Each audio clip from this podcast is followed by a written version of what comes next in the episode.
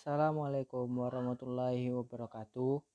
Perkenalkan nama saya Muhammad Azral Dafa dengan nomor induk mahasiswa 12080 113220. Program studi peternakan Fakultas Pertanian dan Peternakan Universitas Islam Sultan Syarif Kasim Riau. Baiklah, saya akan menjelaskan tentang endometritis. Endometritis adalah inflamasi atau peradangan pada lapisan endometrium uterus atau rahim dalam merupakan hasil infeksi bakteri patogen yaitu Escherichia coli, Arconobacterium pyogenes dan bakteri anaerobik seperti Fusobacterium necrophorum dan Provel, Provetella.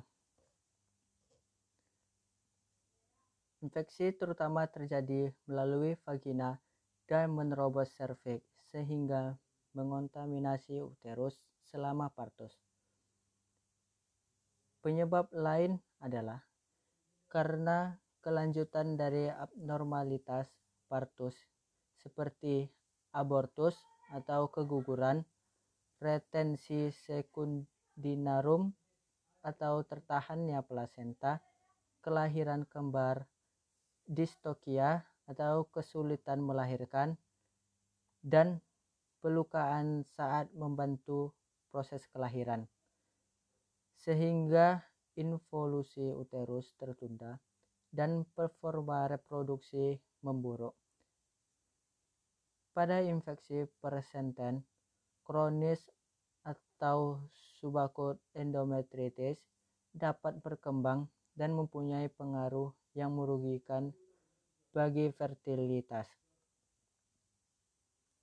Berat tidaknya endometritis tergantung pada keganasan bakteri yang menginfeksi banyak bakteri dan ketahanan tubuh hewan yang terinfeksi.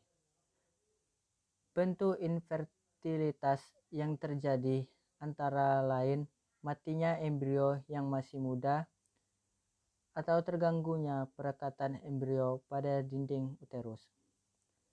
Gejala endometritis yang pertama, keluarnya lendir jernih hingga bernanah dari alat kelamin betina. Yang kedua, nafsu makan menurun. Yang ketiga, demam yang ditandai dengan moncong kering. Infeksi uterus persenten mengakibatkan pengurangan performa reproduksi akibat gangguan fungsi normal ovarium. Sejumlah terapi yang diberikan secara parateral ataupun infus antibiotik secara intrauterus dan pemberian hormon estrogen untuk menginduksi respon uterus dan injeksi prostaglandin. Adapun cara pencegahan antara lain memperbaiki manajemen sanitasi yang baik meliputi kebersihan hewan kandang, dan lingkungan sekitar. Yang kedua, penanganan proses melahirkan secara higienis untuk menghindari kontaminasi bakteri patogen masuk ke dalam rahim. Yang terakhir, pemberian pakan yang bernutrisi. Sekian dari saya. Terima kasih. Assalamualaikum warahmatullahi wabarakatuh. Assalamualaikum warahmatullahi wabarakatuh. Nama saya Muhammad Azhar Lafa dari Universitas Islam Negeri Sultan Syarif Kasim Riau, Prodi Peternakan, Fakultas Pertanian dan Peternakan. Di kesempatan kali ini saya akan menjelaskan peran penyuluh dalam ketersediaan bibit di Kabupaten Muda, Sulawesi Tenggara. Peternakan merupakan sektor pertanian yang memiliki peluang besar untuk dikembangkan.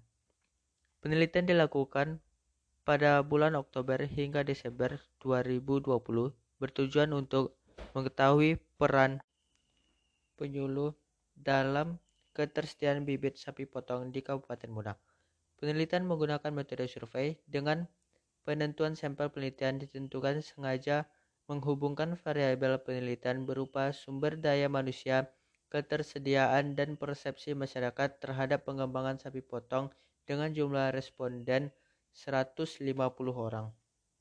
Hasil survei lapangan pada sekitar 50,35% responden menjawab bahwa bibit sapi Bali di Kabupaten Muna cukup tersedia. Sebanyak 32,85% tersedia dan 16,8% tidak tersedia. Hasil survei tersebut memberikan gambaran bahwa peran penyuluhan dalam mendistribusikan ilmu pengetahuan tentang peternakan di Kabupaten Muna belum merata. Terdapat 16 persen masyarakat tidak mengetahui tentang penerapan IB untuk meningkatkan kesediaan bibit bakalan sapi Bali. Selain itu, 50,35% persen peternak umumnya mengatakan cukup tersedia. Berarti hal ini mengindikasikan bahwa mayoritas masyarakat masih meragukan kinerja penyuluh peternakan dalam hal membantu masyarakat untuk menyediakan bibit ternak.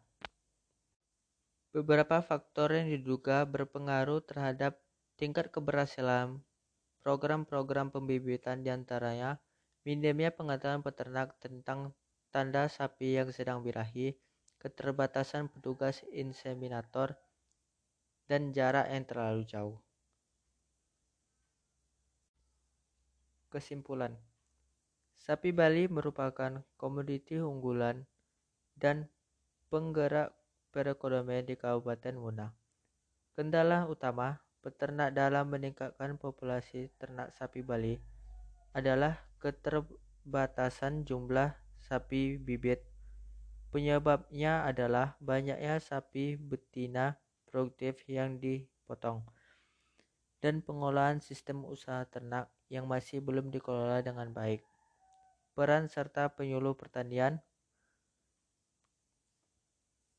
peternakan sangat diperlukan dalam menjaga kestabilan bibit sapi Bali di Kabupaten Muna, sehingga dapat meningkatkan populasi dengan performance sapi Bali terbaik.